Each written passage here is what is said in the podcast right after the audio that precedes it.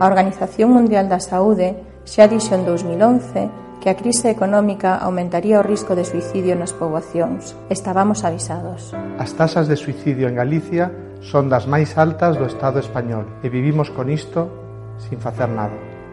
A crise debilitou a moita xente pola perda de traballo, pola perda da vivenda, ante a necesidade de emigrar e ante certidume do futuro. O goberno reduciu a protección social cando era máis necesaria. Para moita xente o sofrimento fixose insoportable. Quen se suicida non quere morrer. O que quere é non seguir vivindo unha vida insoportable sin esperanza. Na Galiza cada día morre unha persoa por suicidio. É unha realidade intolerable. O suicidio aumentou máis no grupo de idade máis nova. Temos razóns moi serias para preocuparnos. As mortes por suicidio en Galicia aumentaron coa crise. A Xunta non adoptou medidas de prevención e reduciu os servizos públicos, sanitarios e sociais. Enfermidade, dor, soedade, empobrecemento, desesperanza, depresión. As causas do suicidio non son tan misteriosas como se cree. As políticas de saúde mental están a deixar na estacada moito sufrimento e desesperanza. O suicidio é un dos máis graves problemas de saúde pública que padece Galicia.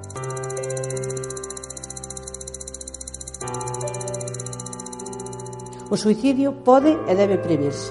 Galicia ten que comprometerse co objetivo da Organización Mundial da Saúde para 2020. Debemos reducir nun 10% as mortes por esta causa. O suicidio non é unha vergoña. Busca axuda e fala se estás pensando en realizalo. Falar do suicidio non aumenta os suicidios. Ignoralo ou escondelo, sí débese facer máis visible para toda a sociedade. É obriga do Goberno da Xunta promover e protexer a saúde pública. É deber de todos apoiar os máis fráxiles. Urxe reforzar a protección social e a sanidade. Urxe o Plan Galego de Prevención do Suicidio.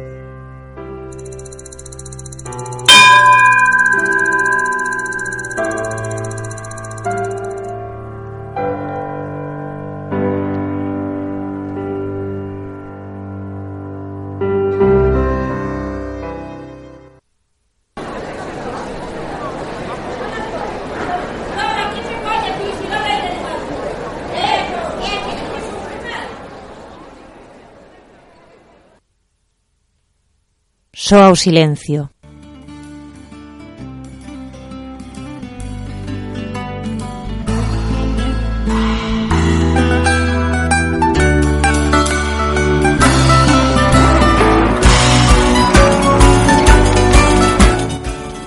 Moi boas, benvidas e grazas por estar aquí escoitándonos a Alba Pazos. Hola, graciñas por seguir Radio Liberdade. E a min, Manuela Iglesias. Uxía Buciños e Emilio Rodríguez non falan tanto pero traballaron con nós facendo guión e agora aquí están a fronte da mesa de son en ordenador. Hoxe gravamos no local de Escoa o Espazo Cultural Alternativo de Ourense. Graciñas por deixarnos a vosa casa. Este noso cuarto programa non é doado. Xa o vistes o comezo, hoxe imos falar en só silencio das mortes silenciadas. Dende que nazou a idea deste espazo radiofónico, tiñamos en mente unha serie de temas que queríamos tratar asuntos nos que era necesario afondar malia que sabíamos que ia ser complicado. Decía Albert Camus que non hai máis ca un problema filosófico verdadeiramente serio, o do suicidio. En Galicia cada día unha persona acaba coa súa propia vida. Os datos son preocupantes. Os últimos que recollo o Instituto de Medicina Legal de Galicia, o IMELGA, din que en 2015 suicidáronse 324 persoas, Entre o 2010 e o 2015, un total de 2.070 persoas quitáronse a vida en Galicia. O noso país ten así, con estas cifras, unha das taxas de suicidio máis elevadas con respecto ao conxunto do Estado español e a primeira causa de morte violenta non natural. Triplica as mortes en accidentes de tráfico. E malia esta realidade, as mortes autoprovocadas seguen a ser un tabú e un fenómeno ignorado nos medios de comunicación e pola sociedade en xeral. E detrás de cada cifra hai unha persoa, unha historia, unha vida que non quere ou non pode soportar. Por presión social, porque ten que sufrir malos tratos ou acoso, porque non é quen de superar unha perda ou por desequilibrios emocionais e mentais decide quitarse a vida. Unha decisión moi respetable pero moitas veces incomprendida. Para axudar a comprendela pensamos que hai que falar do suicidio. Con este novo programa queremos rachar con outro silencio máis, cheo de estigmas e prexuizos. Mm-hmm.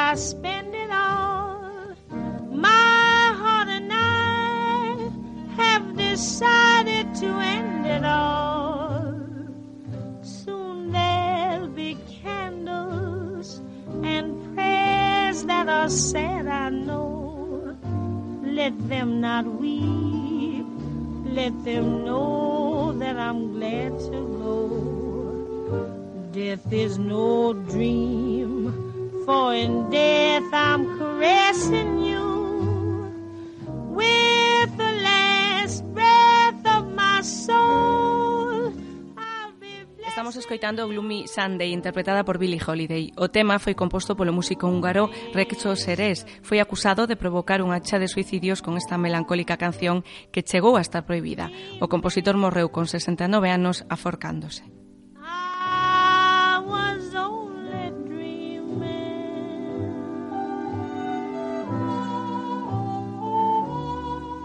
I wake and I find you asleep. In the deep of my heart.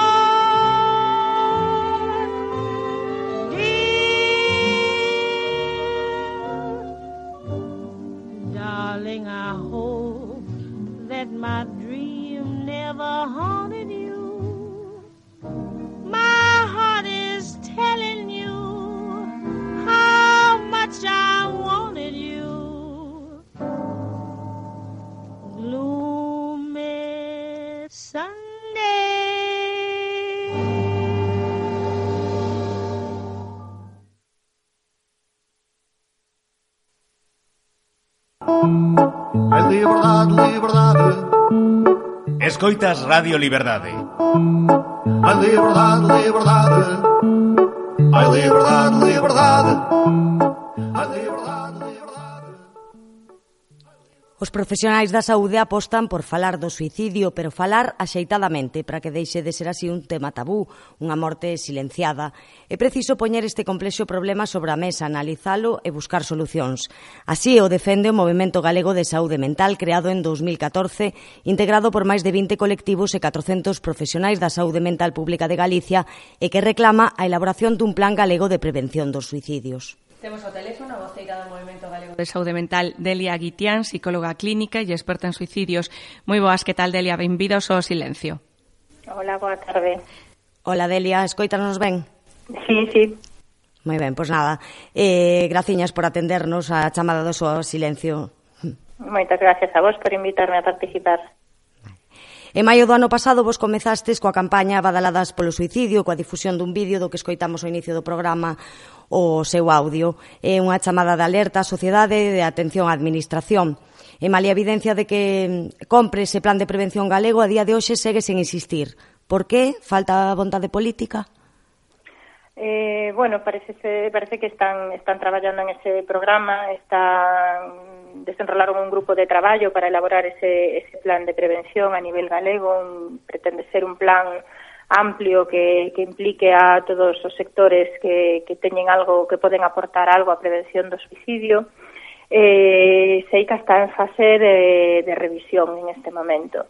O que farán despois con ele como se implementará eso xa é mm, outro tema e que todavía descoñecemos teremos que estar entón moi atentas. E é que a Organización Mundial da Saúde no 2014 publicou o seu primeiro informe sobre o suicidio.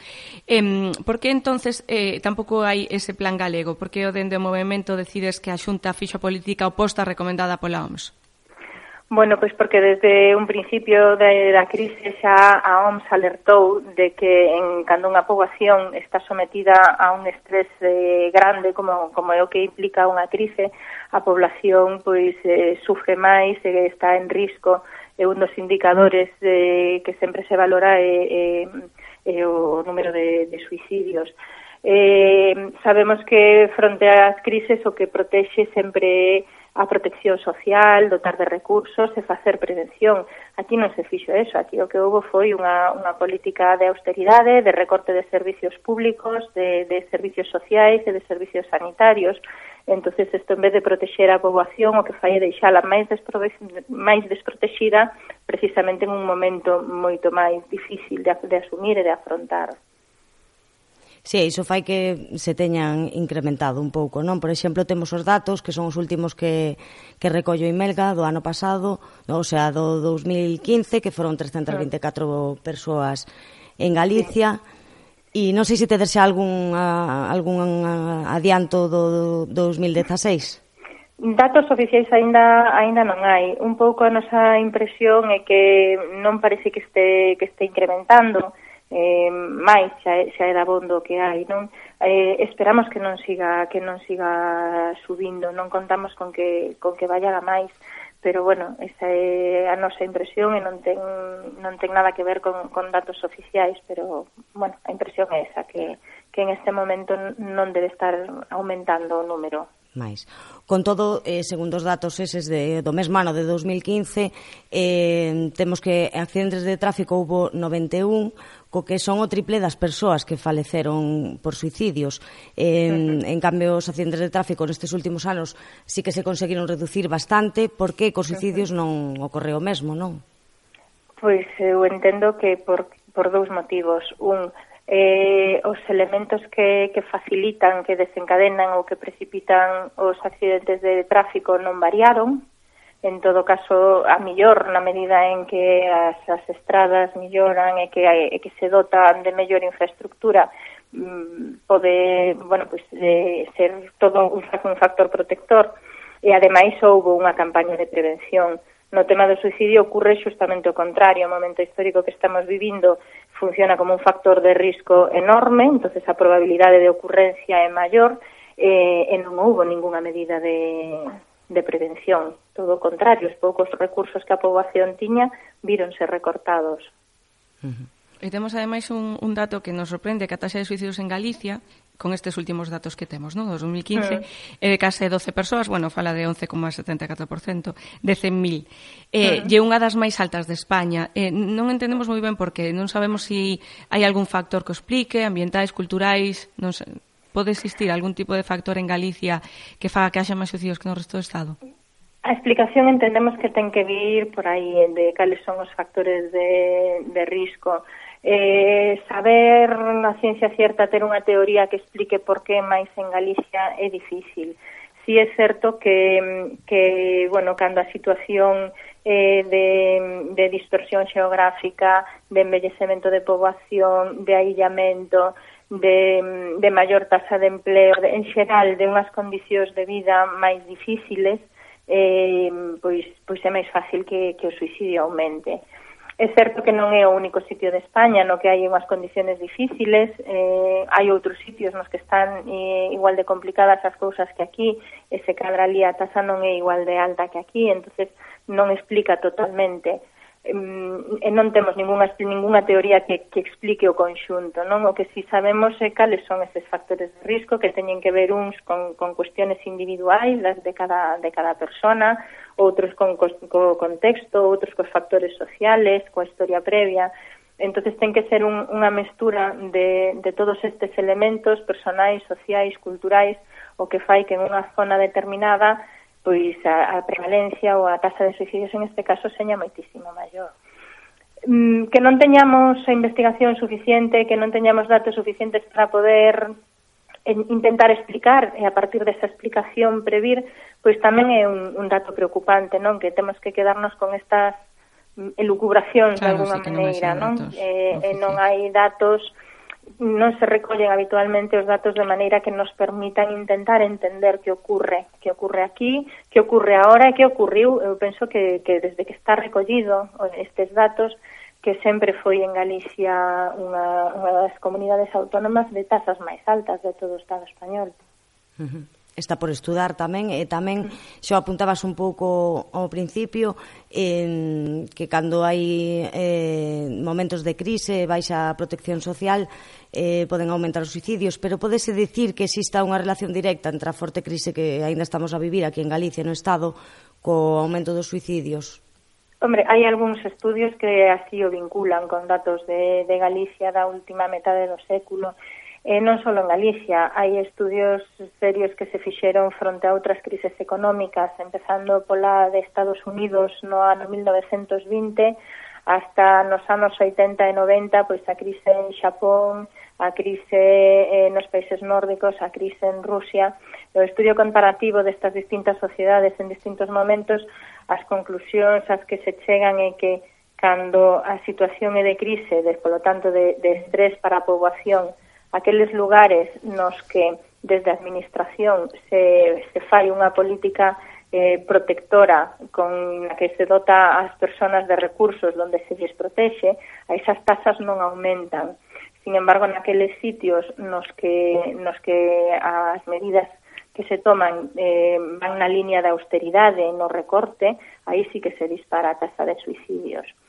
En, en algún dato en, en Suecia eh, se compararon perfectamente as liñas de, de desemprego, a comparación entre a taxa de desemprego e a taxa, a tasa de suicidio. E o que se observa é que no momento en que se implementan medidas de protección social, o aumentar o paro non aumenta o suicidio. En o momento no que se retiran esas medidas de protección social, incremento do paro, conleva tamén o incremento das tasas de suicidio. Bueno, ten a súa lógica, verdade.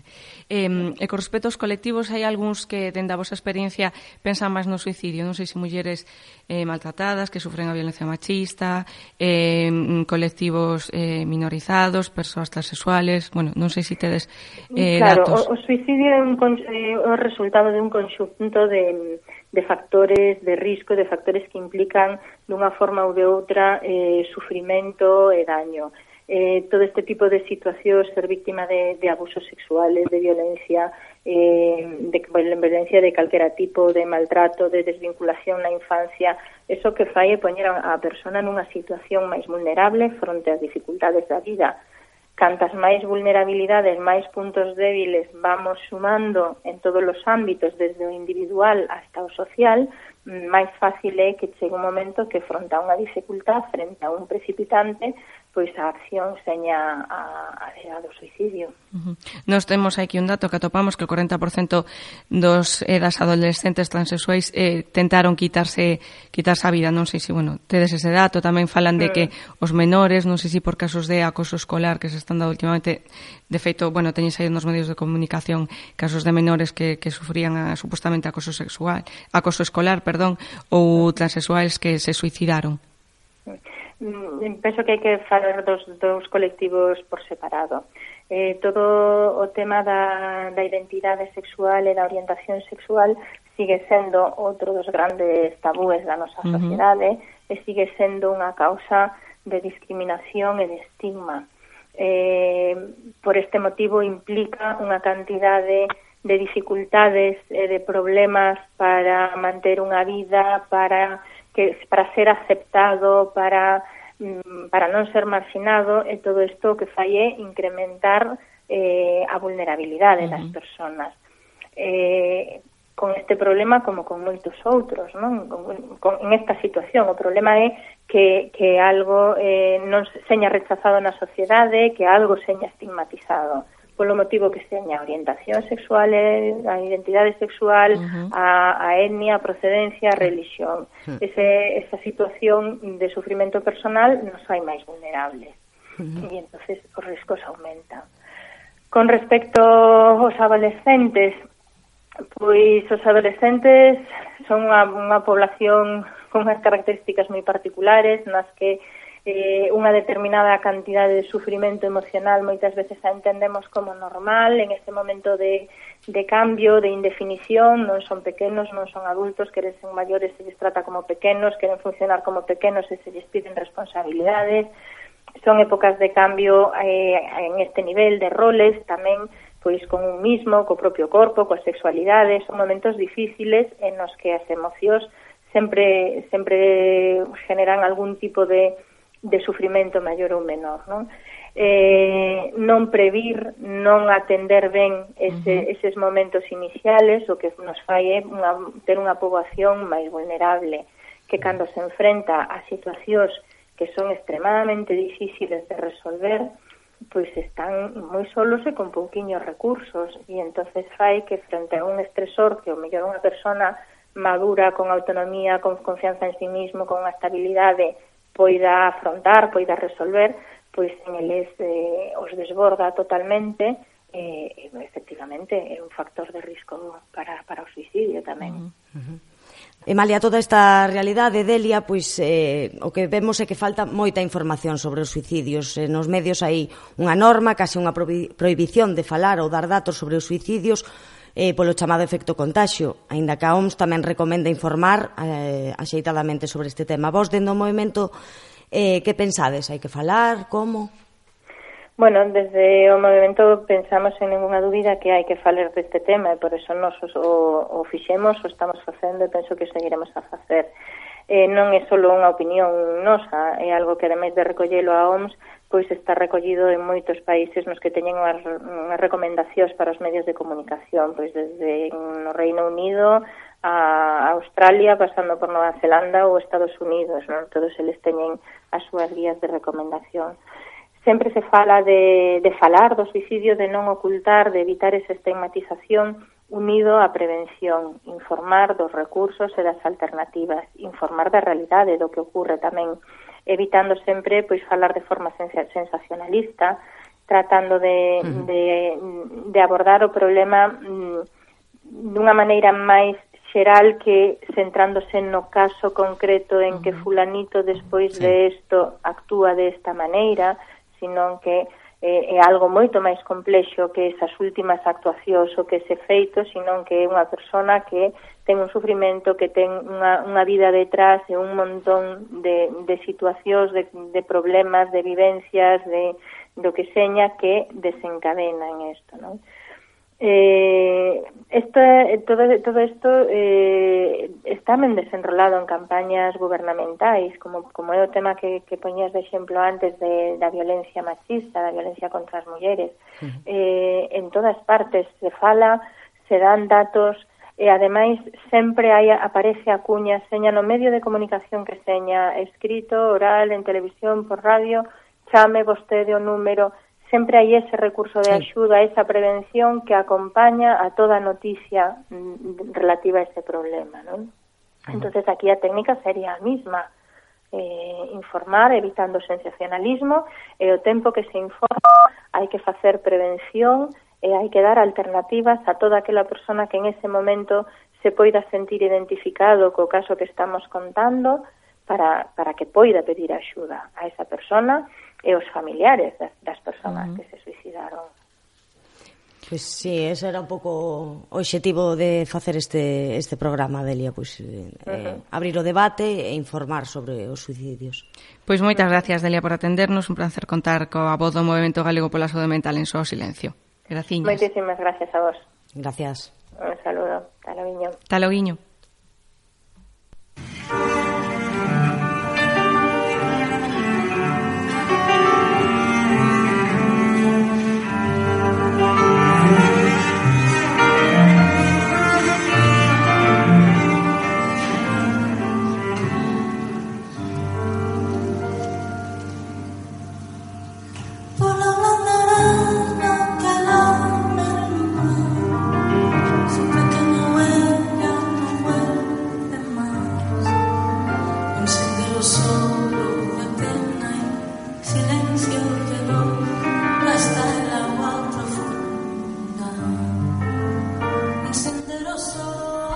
Escoitamos Alfonsina e el mar, Alfonsina e el mar eh, interpretada por Silvia Pérez Cruz é unha canción homenaxe á poetisa Alfonsina Storni da que hai moitas versións.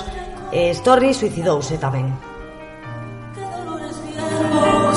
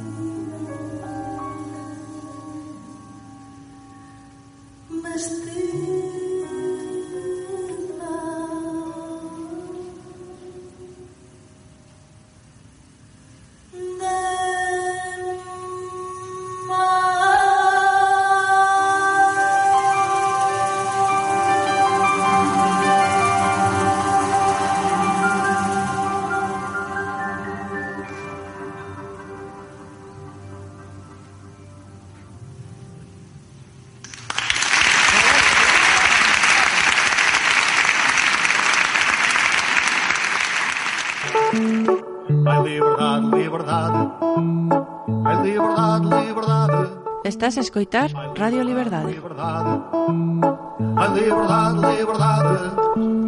A liberdade, liberdade. A liberdade, liberdade. O estigma en torno ao suicidio bota para atrás a que unha persoa que este pensando en quitarse a vida busque axuda, pero o suicidio si se, que, si se pode previr. Para falar da prevención, temos aquí con nós as integrantes do equipo da Unidade de Prevención de Suicidios de Ourense, É a única que existe en Galicia e a segunda en España xunta de Cataluña, impulsada polo Hospital San Pau de Barcelona. Aquí esta unidade de prevención foi creada en 2009 polo Sergas, eh, forma parte dun, do complexo hospitalario do Ourense. Na actualidade está integrada por unha psiquiatra, Marina González, unha psicóloga clínica, Teresa Reijas, e unha enfermeira especialista en saúde mental, Amparo González. Temos aquí as tres connosco, benvidas, gracias por atender a chamada de so Silencio e grazas por axudarnos a entender mellor un tema tan complexo e tan invisibilizado como son os suicidios. Que tal? Ben, gracias. Hola, buenas tardes.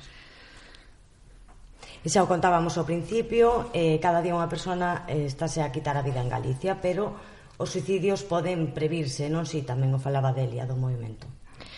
Sí, os suicidios podense previr. Hai datos suficientes científicos que avalan esta afirmación tan rotunda. Desde logo, o que non se pode previr é aquilo do que non se fala, do que non se trata. E a prevención no caso do suicidio require non só unha intervención desde o punto de vista sanitario, desde o ámbito sanitario, senón tamén desde a educación e de todos os eh, aspectos sociais como o problema de saúde porque é un problema de saúde. Uh -huh. É dicir, a xente fallece de suicidio como fallece de calquera outra enfermidade.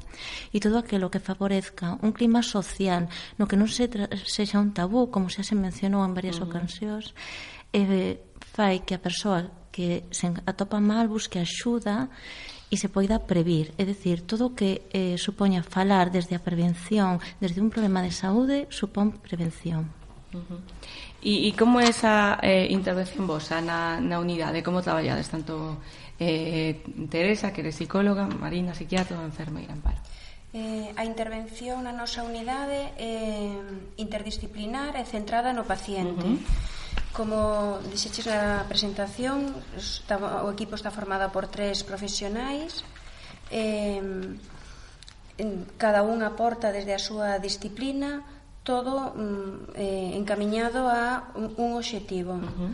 eh, eh, centrada na que na conducta autolítica, eh, poder buscar alternativas cando a persona ten eh, unha idea de suicidio, uh -huh. está pensando no suicidio, é dicir, como pode buscar unha alternativa eh, e por outro lado tamén ese obxectivo vai encamiñado ao malestar vale xa se falaba antes na, na entrevista que fixeches a Celia, eh, cando estamos falando do suicidio e con a persona que se suicida ou fai un intento de suicidio ou ten ideas de suicidio, hai un malestar por detrás, non? Eh, generalmente este é un malestar que é un malestar que está aí, non? Eh, que quere decir que está aí? Eh, a veces mm, mm, podemos pensar que, por exemplo, con un, con un exemplo igual podemoslo entender. Sí. Mm? É dicir, cando mm, pásanos algo como, por exemplo, pois pues, se rompe unha relación ou, uh -huh. ou, ou perdemos o emprego ou calquera destas cousas, eh, eh, unha persona pois ou ben eh, fai un intento de suicidio ou se suicida, a creencia é de causa e efecto. E iso sí que non podemos eh, pensar desa maneira, porque non é así. É dicir, unha persona non se eh, mata ou non fai un intento de suicidio porque mm, perder, tuvo unha ruptura nunha uh -huh. relación. Vale. Para algo máis. Sí, hai un, un malestar, uh -huh. é un malestar que está aí, eh, que a veces é latente, mm, a persona non é o maior consciente, é dicir, a persona só sentirse cando lle preguntas aos pacientes eh, o que sentías antes de é algo que é eh, novo ou é conocido para, para ti? Generalmente os pacientes contestan que é conocido. ¿Mm? Entón, eh, ese malestar ten que ver pois, mm, co, coa historia de vida de, de a persona, non? Uh -huh. de, principalmente con iso. Eh, que tipo de pacientes tratades? A eh, non sei se, polo que está dicindo eh, Teresa, son pacientes que xa tiveron o mellor algún intento, non? Eh, non necesariamente. Por en primer lugar, disculpas, pero voy a hablar en castellano. Bueno, non pasa nada, vale. Bueno, en, en la unidad hemos tratado desde 2009 que se empezamos a trabajar más de mil pacientes. Eh, eh, todo lo que abarca el espectro de la conducta suicida, tanto ideación como intentos de suicidio. Uh -huh. Entonces, las edades, el tipo de pacientes es muy heterogéneo. Las edades van desde los 16 años hasta 89, que hemos tenido pacientes de, esa edad. Como somos la unidad de referencia para toda la provincia de Orense, tratamos lo mismo población urbana que población rural. Eh, niveles de estudios diferentes, eh, hombres, mujeres, eh, eh, con niveles culturales diferentes, con clases sociales diferentes. El suicidio nos concierne a todos de alguna manera, eh, de una manera o de otra, y nos sentimos implicados de una manera o de otra, más directa o indirectamente uh -huh. por él. Lo que sí hemos observado en estos últimos eh, tiempos, en esto, este último, a lo mejor dos o tres últimos años, es que ha aumentado eh, mucho el número de consultas de hombres y también el de jóvenes y adolescentes. Está disparándose el problema, sobre todo las alertas están saltando ahora a nivel de, de adolescentes, de jóvenes y adolescentes. Sí, é un dato que, que che íbamos a apuntar agora que a, atopamos da, dende a Organización Mundial da, da Saúde que tamén o apunta de que xa é o suicidio é a segunda causa de defunción no grupo de idade entre 15 a 29 bueno, iso é, uh -huh. parece nos preocupante por, reafírmase non na vosa experiencia eh, Bien, bueno, hay que puntualizar que España sigue estando muy por debajo del resto de Europa en, en suicidio consumado en jóvenes y adolescentes. Uh -huh. Lo que nosotros desde nuestra experiencia estamos observando es un repunte en, en, la, en, las, en la ideación, en los intentos, uh -huh. en las conductas autolesivas que ahora están constituyendo un verdadero problema. Eh, ¿Por qué pasa todo esto? Pues ya lo habían comentado, lo había comentado Delia, eh, el suicidio nunca tiene una única causa. Siempre es multicausal. Hay muchos factores de todo tipo que influyen en, en el hecho de que una persona piense que es mejor morir que vivir. Y con los adolescentes, con unas características concretas, dada de la, edad que estamos hablando, efectivamente pueden influir pues, eh, a lo mejor el tener una patología psiquiátrica de base, un trastorno de personalidad, la depresión, el consumo de tóxicos que a veces se utilizan como para atenuar esa ansiedad y lo que hace es disparar el riesgo, eh, la disfunción familiar, el maltrato físico, el abuso sexual, son muchas las causas que pueden influir. Pero y otra cosa a tener en cuenta es que la incidencia del suicidio en estos últimos 45 años ha aumentado en un 60%, que ha ido paralelo al a la, a la explosión de las tecnologías de la información, Internet, los teléfonos móviles. Y los adolescentes es un medio en el que se mueven como pez en el agua y pueden ser muy útiles, pero también pueden ser muy peligrosos, depende cómo se utilicen. Eh, pues un pouco está falando de signos de alerta. Cales son esos signos de alerta que podemos detectar? Eh, cualquier cambio de conducta uh -huh. en, que normalmente detectan los familiares, las personas que están más cercanas al, a, a, la, a, la, persona, al paciente, los médicos de atención primaria, cambios de conducta que en ocasiones tienen que ver con síntomas ya mm, de un trastorno mental como la ansiedad, el insomnio, uh -huh. el aislamiento social, la pérdida de, de interés por actividades eh, o en ocasiones conductas relacionadas con, con eh, tomar decisiones respecto a pertenencias, etcétera, sobre todo, eso sobre todo en personas mayores. Uh -huh. Y en los adolescentes, hacer preguntas, eh, por lo menos lo que yo he visto en la clínica, hacer preguntas en relación a la muerte, en relación a métodos de suicidio, que estén preocupados busca, con esas búsquedas en Internet, ¿no? Eh, ante cualquiera, cualquier señal de alerta, cualquier cambio en el, en el comportamiento de una persona, debemos de intervenir. Uh -huh. Aí entra tamén un pouco o, o labor da, das familias, non? Como, como, como poden ou deben actuar? Eh, bueno, las, fami las familias, eh, como decía Marina, es como la primera, eh, son los que están de una manera inmediata, uh -huh. en contacto con ellos. Pero sí que es cierto que a veces son, eh, tampoco saben mucho qué hacer, porque eh, decimos, bueno, sí, hay que actuar. Sobre todo, yo apuntaría una cosa, luego ya ampliarán, pero permitir hablar. Parece, mm, parece básico, parece evidente, pero muchas veces no damos la oportunidad, no damos la oportunidad, no preguntamos por lo que nos pueden contestar a veces y no sabemos qué vamos a hacer después de que nos respondan. Entonces, sí que es verdad que a las familias hay que dotarles de estrategias y sabemos que llegan a las consultas con, con mucho miedo, con mucha preocupación por, por esta situación. Eh, eh, tal como señalaba Amparo, eh, escuchar y permitir que hable. Pero sobre todo, eh, yo quiero señalar lo que no hacer, que es no pasar por alto, sí eh, no considerar que se trata mm, de banalidades, de cuestiones uh -huh. manipulativas, sino valorarlos como, eh, como una petición de ayuda, eh, como una forma de que muchas veces el paciente está como dando señales, intentando que se evite. Y esto lo vemos sobre todo con pacientes que acuden al médico de atención primaria y susurran, bueno, para estar así es mejor no vivir, intentando que alguien continúe esa exploración, que alguén non tire de están Efectivamente. Uh -huh. Estar atentas. Co respecto, sí, co respecto á familia tam quería, bueno, añadir unha cousa cando na consulta pois tamén, bueno, pois mellor mm, non en todas as consultas, pero generalmente eh, os familiares acompañan a, os pacientes eh, na última parte da consulta mm, solemos pasar a, aos familiares, non? É unha pregunta moi común que os familiares pregunten eh, como podemos axudar, non? Ah. Mm, como, como podemos axudar, non? entonces eh, aí a resposta é permitirlle estar mal, ah, Eso é importante. Eso é importante, es decir, mm, porque o que, a ver, o que tendemos a facer é a veces pois se eu estou disgustada porque por un exemplo, se eu estou disgustada porque tuve un, un bueno, pues un desencontro con alguén, por uh -huh. exemplo, iso é normal, non? Entonces, que tendemos a facer, non? Eso facemos toda a población facemos. Sí. Non penses, non, non penses, nada. non pasa nada, non?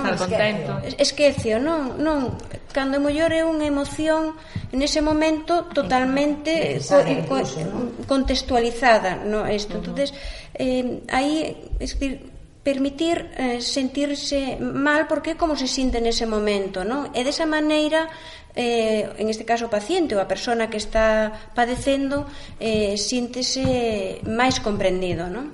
Sí. é importante traballar cas familias non? polo que, polo que vemos eh, e tamén axudarlles, entendo que vos a quitarlles un pouco ese sentimento de culpa que entendemos que adoitan ter non? si se lle suicida un familiar ou eh, alguén cercano e mm, a culpa parece case inevitable, non? Eu non me decatei que podía facer como se pode quitar ese estigma que ten tamén o suicidio? Eh, Vamos a decís al principio que el suicidio era una muerte silenciada. Sí. Y yo diría que es una muerte doblemente silenciada. Vale. En un principio eh, es difícil para las eh, familias decir que un familiar se murió por suicidio. Sí. Dicen con toda tranquilidad. as aceptan públicamente. eh, se murió de un No, infarto, pero, pero mm, decir murió por suicidio todavía cuesta mucho trabajo. Y también en el después, porque en el después tampoco se les permite hablar. No se les permite hablar por múltiples factores. A veces la gente no se atreve y sienten un vacío y una imposibilidad de hablar de alguien que para ellos era muy importante, de nombrarlo siquiera. Y eso dificulta mucho la elaboración del duelo. Por eso los duelos por suicidio tienen, eh, son más complicados y son diferentes a los duelos por otro tipo de muerte. Eh, creemos eh, que en relación a la culpa, como me decía, como me preguntabas, creemos que el suicidio, tendemos a pensar que el suicidio es un acto libre. Nosotros pensamos que no hay libertad en el suicidio. No hay libertad cuando no tienes opciones para elegir. Eh, entonces, en, en esa libertad conlleva el sentimiento de culpa algo habré hecho, algo habrán hecho. eh, entonces, eh, eso es con lo que tenemos que cuidar el juicio popular de que por algo será, algo pasará en esa familia. Otro sentimiento muy preocupante en el duelo por suicidio es la vergüenza, eh, porque el superviviente eh, puede sentirse juzgado por los demás, puede sentirse señalizado como una persona que no pudo evitar el suicidio, que no supo qué hacer cuando la persona estaba mal. Y este sentimiento tiene mucho que ver con el estigma. Entonces, ese estigma que aún rodea el suicidio es lo que hace tan difícil la elaboración del duelo. No somos solo hemos perdido a alguien, sino hemos perdido la posibilidad de hablar de ese alguien. Y eso es mucho más duro. Qué doloroso, sí. Sacou un pouco o tema do, do estigma no sentido en que ata hai ben pouco o suicidio era un delito, non? Sí. Entón, iso tamén pode axudar, é dicir que a xente o consideraba un delito e, bueno, a religión considera un pecado, uh -huh. o cal a xente non se atreve a falar do suicidio. Sí, no, no, no, solo, no solo un pecado, hasta los años 70 no se podía enterrar a los suicidas en los cementerios. Y eso para una población a lo mejor mm, ahora lo vemos como mm, algo no muy importante, pero en una población rural que tú no pudieses enterrar a tu padre, a tu marido en, en el cementerio era era importantísimo. Sí, sí, Entonces estaba penalizado, estaba a, a, a muchos niveles. Uh -huh. eh, con respecto a lo que decía Amparo de que el suicidio no es un acto libre, libre es decir, eh, cuando a los pacientes le preguntas eh, mm, si no te sintieras como te sientes, eh, estarías pensando en el suicidio. De lo, el 100% de los pacientes dicen que no, que no estarían pensando en el suicidio. ¿no? Ahí indica, pues, eh, el no haber una no ver una salida ¿no? de o, otras eh, opciones ¿no? en ese momento Eh, eh, entón, bueno, eh, un pouco por reincidir nista, nesta idea é importante que as familias den o aviso non que estén moi atentas e que, e que, den, e que den o aviso non? Sí, que estén atentas a, a calquera cambio de conducta nun familiar a síntomas e a estas comunicacións verbais ou non verbais que teñan que ver ca morte e que non por, por lo menos consultar. Uh -huh. Está vendo cada vez máis asociacións de familias de, de persoas que lle falece algún familiar porque se suicidou. É positivo, non? Pensades que sí, sí eh, Teresa? Sí, eh, é positivo porque asociacións teñen un papel moi importante de acollida e acompañamiento en todo ese proceso de duelo tan complicado uh -huh. como miñas compañeiras eh, señalaban, non? eh, poder expresar eh, sentimentos que son semellantes aos de outras persoas, eh, sentirse entendidos, eh, eh, xa que eh, bueno, o silencio que rodea todo a, mm, a morte por eh, suicidio dificulta o duelo. Non? Por outro lado, outra función que, que teñen as asociacións é dar voz a unha realidade, non? é darlle eh, visibilidade. Non? em, aquí en Galicia mm, aquí en Galicia non nós non coñecemos que hai algunha asociación eh, de, de familiares um, creo que hai algunha en... en Galicia, perdoa Teresa, en Galicia sí. non hai ninguna mm, que, que nos teñamos buscando aquí en Ourense de feito sí, non, non, non, non, non, non temos coñecemento mm. en Galicia mm, non de iso, non? Eh, en Cataluña hai unha, e, eh, bueno, pois, hoxe mm, vin na prensa no, en navarra.com que se crea o, o, unha asociación de, de, de familiares mm, que empezará a funcionar en, en noviembre, ¿no? O sea que empeza a... Empeza a sí, Amparo, que... Eh, sí, hablando de las asociaciones, yo creo que es un punto importantísimo, la creación de asociaciones. Es una, eso sí que es, es una una ayuda más a darle visibilidad, porque las personas se encuentran en un entorno en el que pueden hablar libremente de los sentimientos. Ahí sí que están hablando con alguien que sabe cómo se siente, porque está pasando por lo mismo que él, y cosas que a veces eh, no cuentan o no nos cuentan a los profesionales si son capaces de expresarlas en ese entorno en el que se encuentran eh, muy acompañados. Yo creo que viene un poco a, eh, la de Cataluña fue pionera porque fue en el 2012, pero como muchas cosas en relación al suicidio en Cataluña. ¿eh? Sí. Pero sí que es cierto que yo creo que cuanto más estamos hablando, cuanto más visibilidad le damos al tema del suicidio, cuando cuando desde muchos sitios se está enfocando el tema desde la prevención, empiezan a surgir ya personas con iniciativas de, de poder decir, bueno, pues a lo mejor es el momento de montar una asociación aquí. Bueno, esa era un pouco a nosa finalidade, non? Desde que pensamos en Só Silencio neste programa de Radio Liberdade, queríamos falar eh, de varios temas que non se suelen falar en medios de comunicación convencionais, nos que tamén ademais traballamos, pero este especialmente, non? Porque creemos que falar de xeito xeitado pode previlo. Bueno, imos escoitar unha canción e seguimos falando con, con vos. Música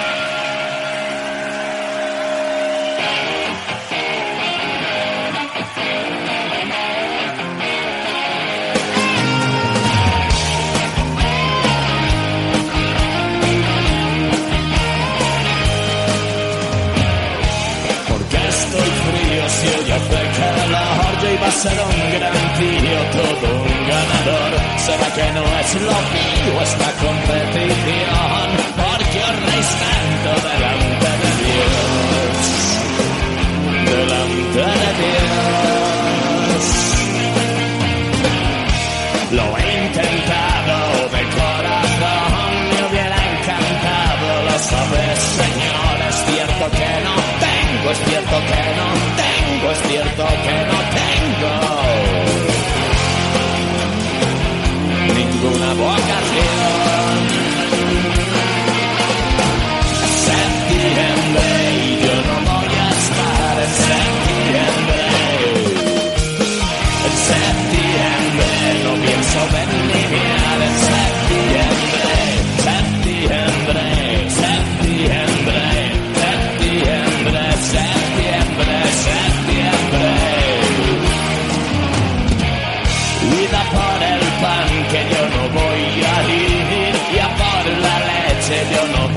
Estar antes de que me echen. Prefiero salir aunque sea abriendo la puerta de atrás.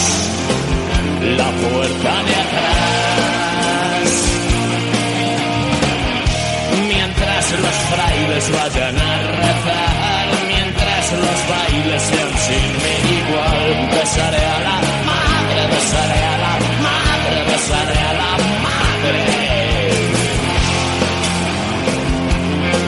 the bread.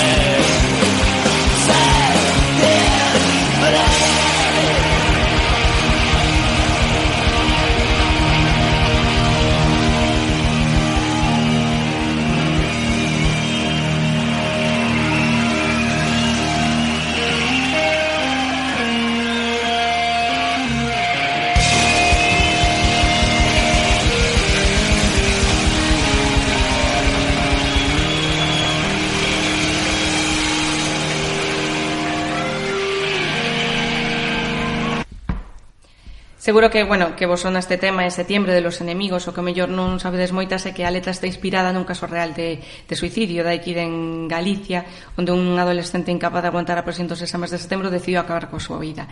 E José Le Santiago, pois, leu na prensa, que é o cantante e compositor de Los Enemigos, de Los Antiguos Enemigos, escribiu a canción relatando os, os actuais enemigos, que volveron, relatando ah, os últimos pensamentos do, do, do mozo, non? Bueno, pois contou un pouco nesta canción a historia, por eso dice Iza por el padre, tan que, que non vou a ir eh, esa frase que fala deste suicidio que unha canción que coñecemos pero seguro que moitas outras tamén que falan do suicidio pero non se sabe que falan do suicidio E imos falar agora eh, da, dos resultados da vosa unidade en canto á prevención mm. nestes últimos oito anos desde que comenzastes, pois se nos podes contar un pouquiño eh, eses eh, resultados que polo que vimos nos datos do Imelga eh, varían moito, non? O sea, tampouco hai unha tendencia aí nin a baixa nin a alta. Estos dous últimos anos o que vimos é que en, na provincia de Ourense 31 mm. Eh, non sei, se nos podes contar os vosos datos, que os saberedes mellor vos que nos. Vale, con respecto, eu quero eh, falar de dúas cousas diferentes. Por unha parte, as cifras de suicidio consumado que nos últimos tres anos eh, tense mantido unha estabilidade.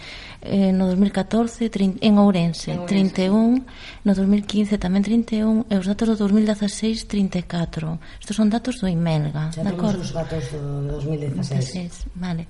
Eh, que supón unha tasa do 9,5 comparado cunha tasa do 12% en Galicia. Aquí en Galicia co respecto, claro, eh, co cal é bastante máis uh. máis baixa. Uh -huh. Pero ademais do suicidio consumado, temos que ter en conta que por cada suicidio consumado hai 20 tentativas de suicidio. Uh -huh. É dicir, hai un, eh, sobre todo nos traballamos con eh, tentativa, con ideación, coa morbilidade con respecto á conduta suicida.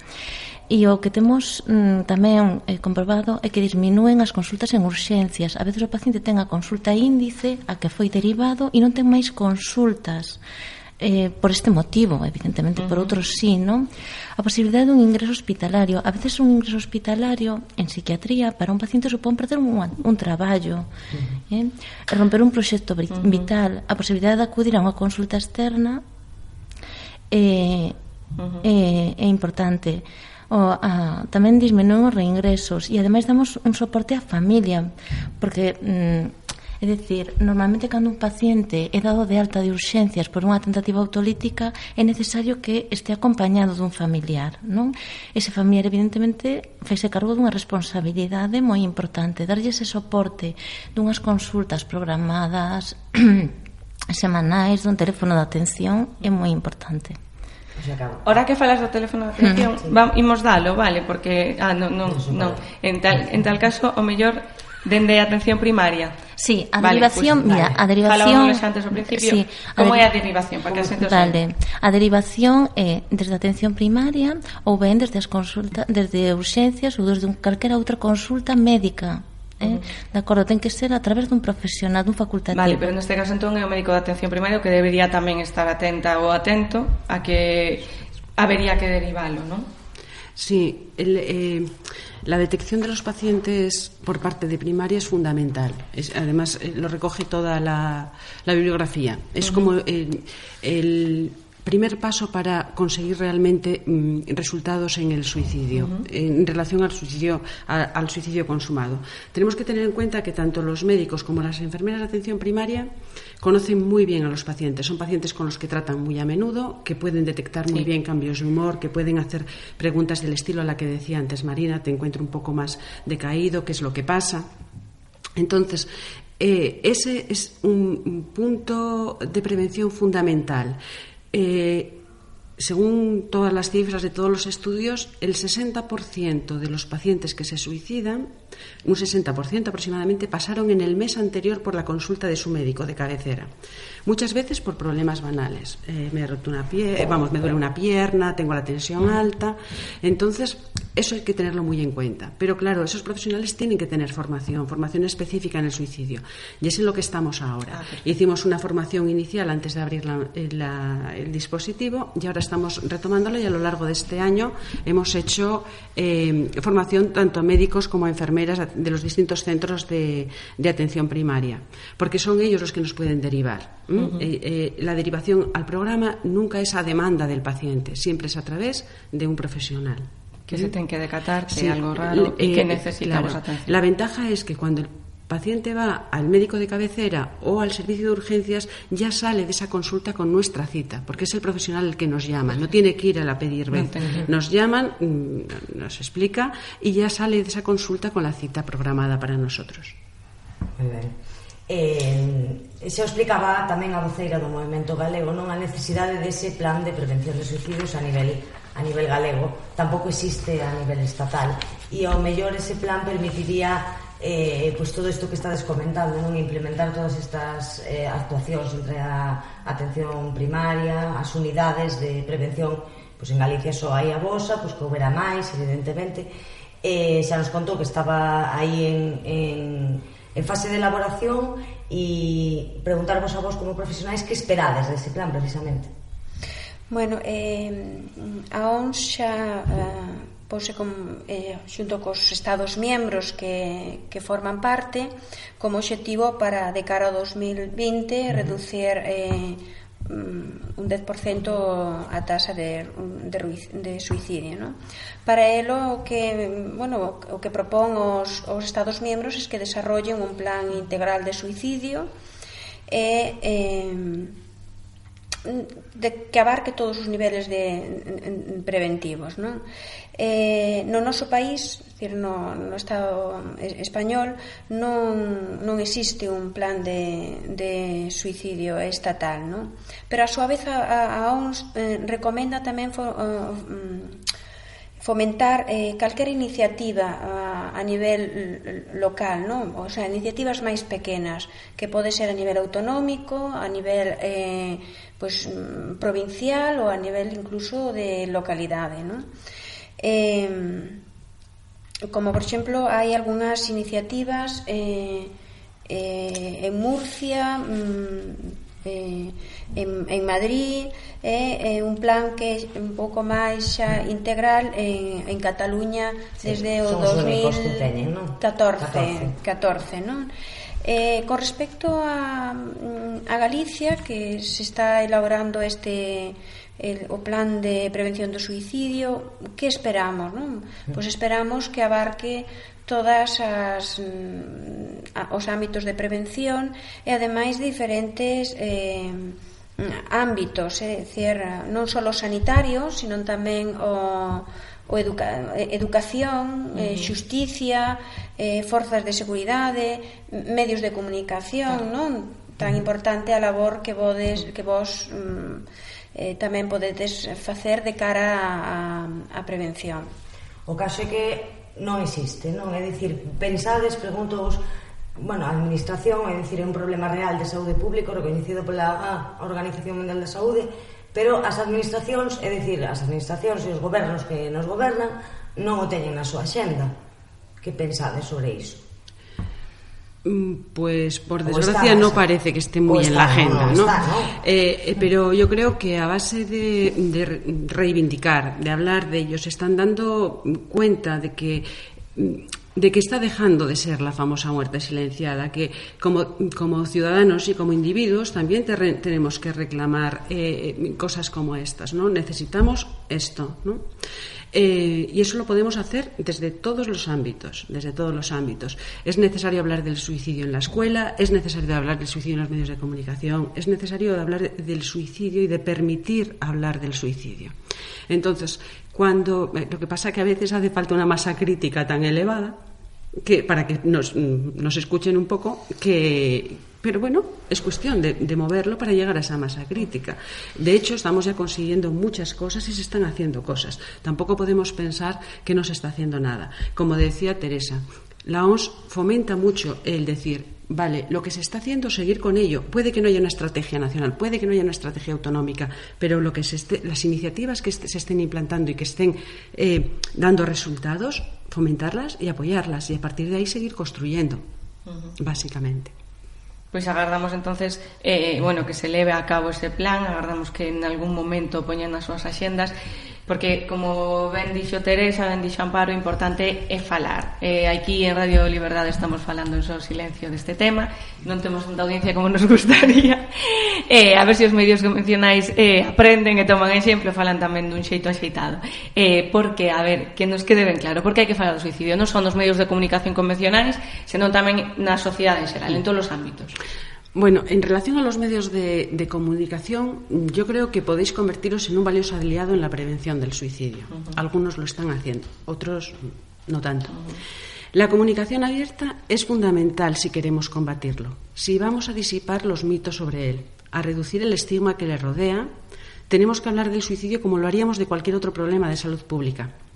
Se ha demostrado que algunos tipos de información sobre el suicidio, noticias destacadas, sensacionalistas, bombardear con el suicidio, fotos que no aportan nada a la información, se asocian con, picos en las tasas de suicidio. Pero otras, más enfocadas al quehacer, donde recurrir a la prevención, han demostrado también tener un efecto protector.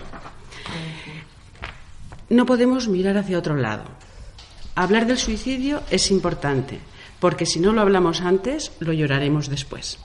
Moitísimas gracias, a verdad que foi un placer que, que, que viñerades ata aquí a to local de Escua Moitísimas gracias. A, eh, Aprendemos un montón con vos. A ver si, bueno, aprenden outros varios eh, e, e se fala Moitísimas gracias, Amparo Marina, gracias, bueno, a, gracias a, vos vosotros por invitarnos. Por invitarnos. E que sigades traballando así, ademais en Ourense, mira, pois pues unha unha unidade que temos aquí que non hai por lo menos ahora que, bueno. por sodes xa pioneiras nesta nesta neste ámbito, ¿no? Pois pues sí. Ya, vamos que a vosa experiencia este Esperemos programa... que no se quede solo en lo pionero, claro. sino que se siga implantando, ¿vale? Exactamente. Gracias, ánimo. Venga, gracias, gracias a vosotros. Gracias.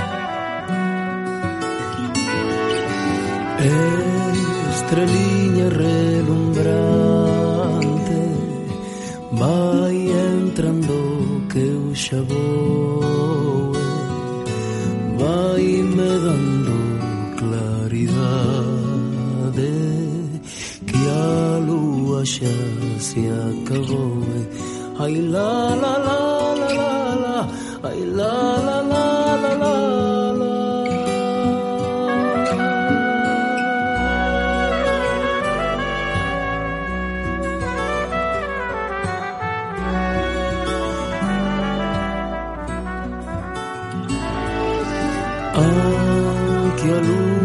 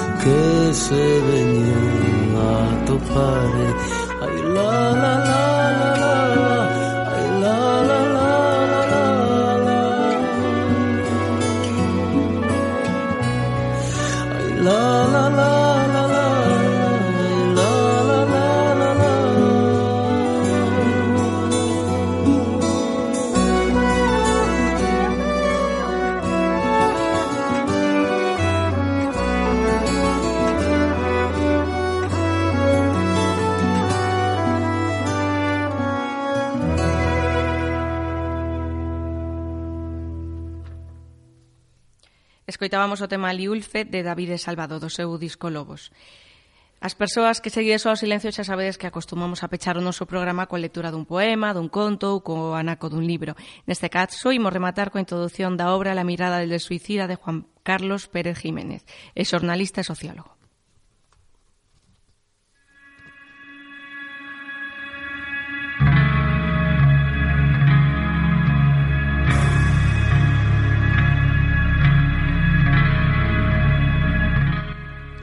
Nunca un problema tan grave recibiu tan pouca atención.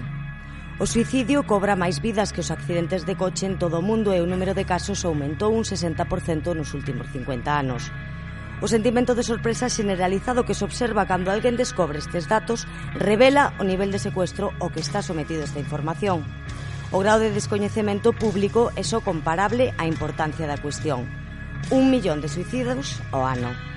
Esa única cifra debería facer saltar todas as alarmas e converter o suicidio e a saúde mental nunha prioridade para os gobernos de todos os países. Porque, ademais, cada suicidio supón unha devastación emocional e a veces tamén social e económica para unha media de seis familiares ou amigos próximos, cuxos dramas arrancan no momento en que o suicida decide poñerlle fin ao seu sufrimento quitándose a vida, polo que a cifra de afectados rozaría os 7 millóns de persoas o ano, e a tendencia segue aumentando. Todos somos conscientes de que estamos expostos á casuística dun accidente de tráfico, que a estatística pode facer que calquera día formemos parte das listas de falecidos nas estradas. Ante esa posibilidade, tomamos medidas, procuramos ser precavidos e as institucións lembranos, a veces de xeito brutal, o perigo ao que nos expoñemos para que a mensaxe cale. Somos conscientes do risco que supón conducir un coche, pero non o somos tanto do perigo que supón guiarnos a nós mesmos.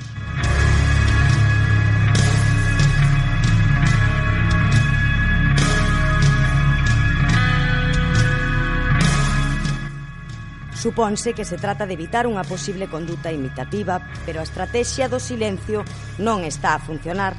Ocultar unhas cifras que resultan estarrecedoras non evita epidemia. Algo está mal enfocado a hora de abordar a dimensión que debe ocupar o problema do sufrimento humano capaz de levar a un individuo a quitarse a vida. Non podemos apartar a vista dunha realidade que demanda unha atención plena e unha abordaxe frontal. As cifras do suicidio revelan a precariedade da nosa saúde mental como colectividade cunha contundencia asoballante. O número de suicidas é só a parte visible dun iceberg das afección colectivas, un problema de saúde pública que a nosa sociedade non parece saber abordar. O suicidio de calquera ser humano provoca un sentimento profundo e visceral de rexeitamento e chega a desatar un discurso cargado de reproches de cara a quen opta por librarse do sufrimento cotián dun xeito que algúns consideran cobarde ou outros cargados dun valor inhumano.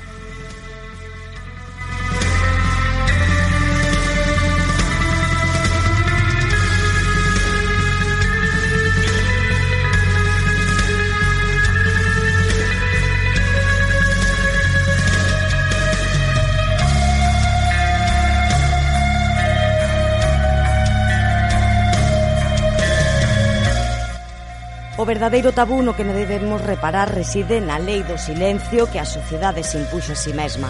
O pacto colectivo para mirar cara a outro lado investido de respecto ou de desprezo, pero que en definitiva esquiva a ollada do suicida e dos seus familiares como cómplices indirectos ou sospeitosos por estar afectados polo mesmo mal. A cuestión pendente por sobre a mesa necesidade que temos de afrontar os abismos da alma humana o requisito urxente de normalizar o tratamento da saúde mental como soubemos facer ca saúde do corpo e que por algún motivo preferimos ignorar.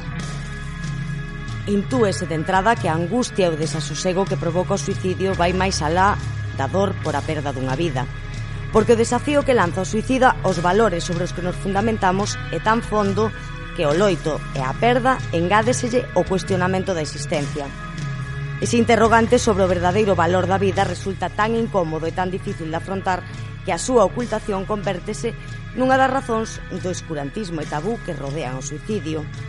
A incógnita que se despexa no acto de lexir a propia morte atribúe tan pouco valor á vida que a súa lóxica desborda os límites da razón entre as que nos manexamos.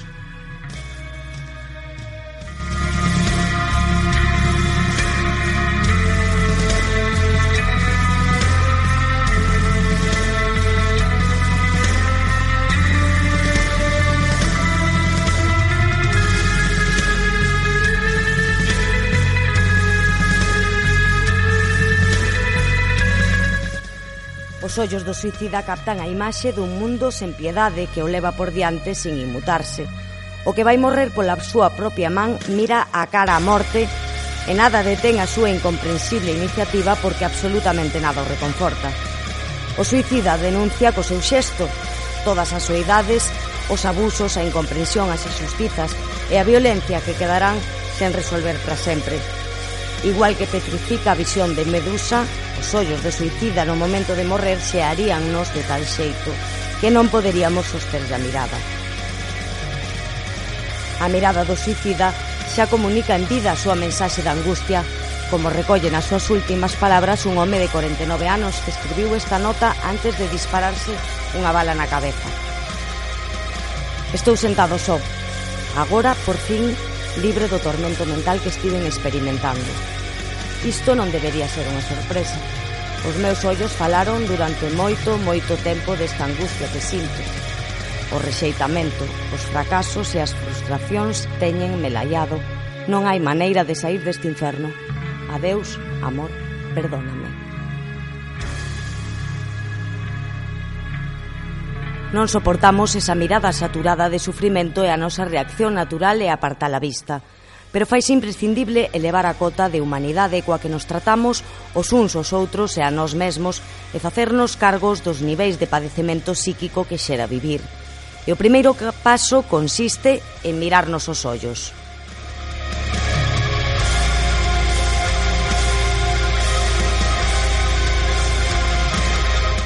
por todos os familiares e todas as vítimas da menos desexable das mortes, a morte desexada, e a modo de manifesto, gustaríame que esta lectura servira de algún xeito para elevar a conciencia sobre esta alarmante realidade, para facer chegar a mensaxe de que o suicidio nos incumbe a todos.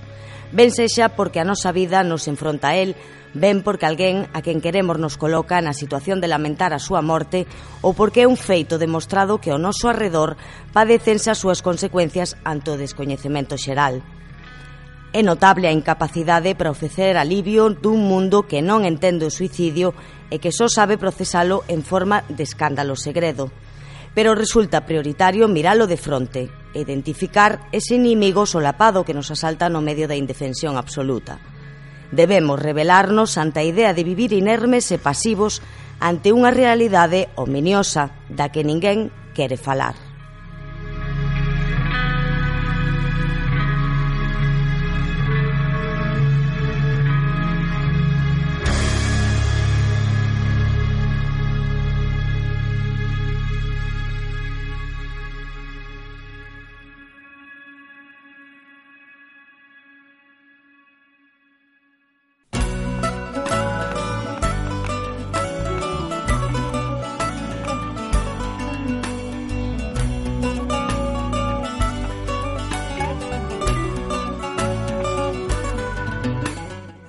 este cuarto programa, este só silencio, agarramos que axudar a poñer foco nun problema moi importante que está agochado.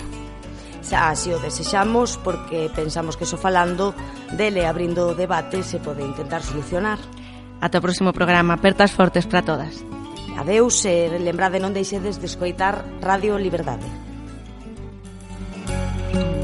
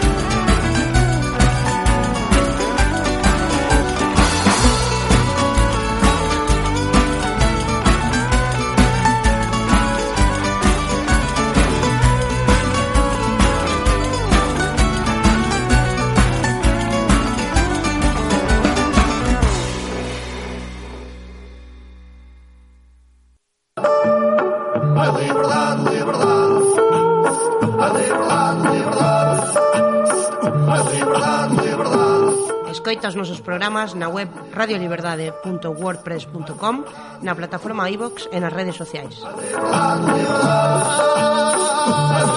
arriba, arriba,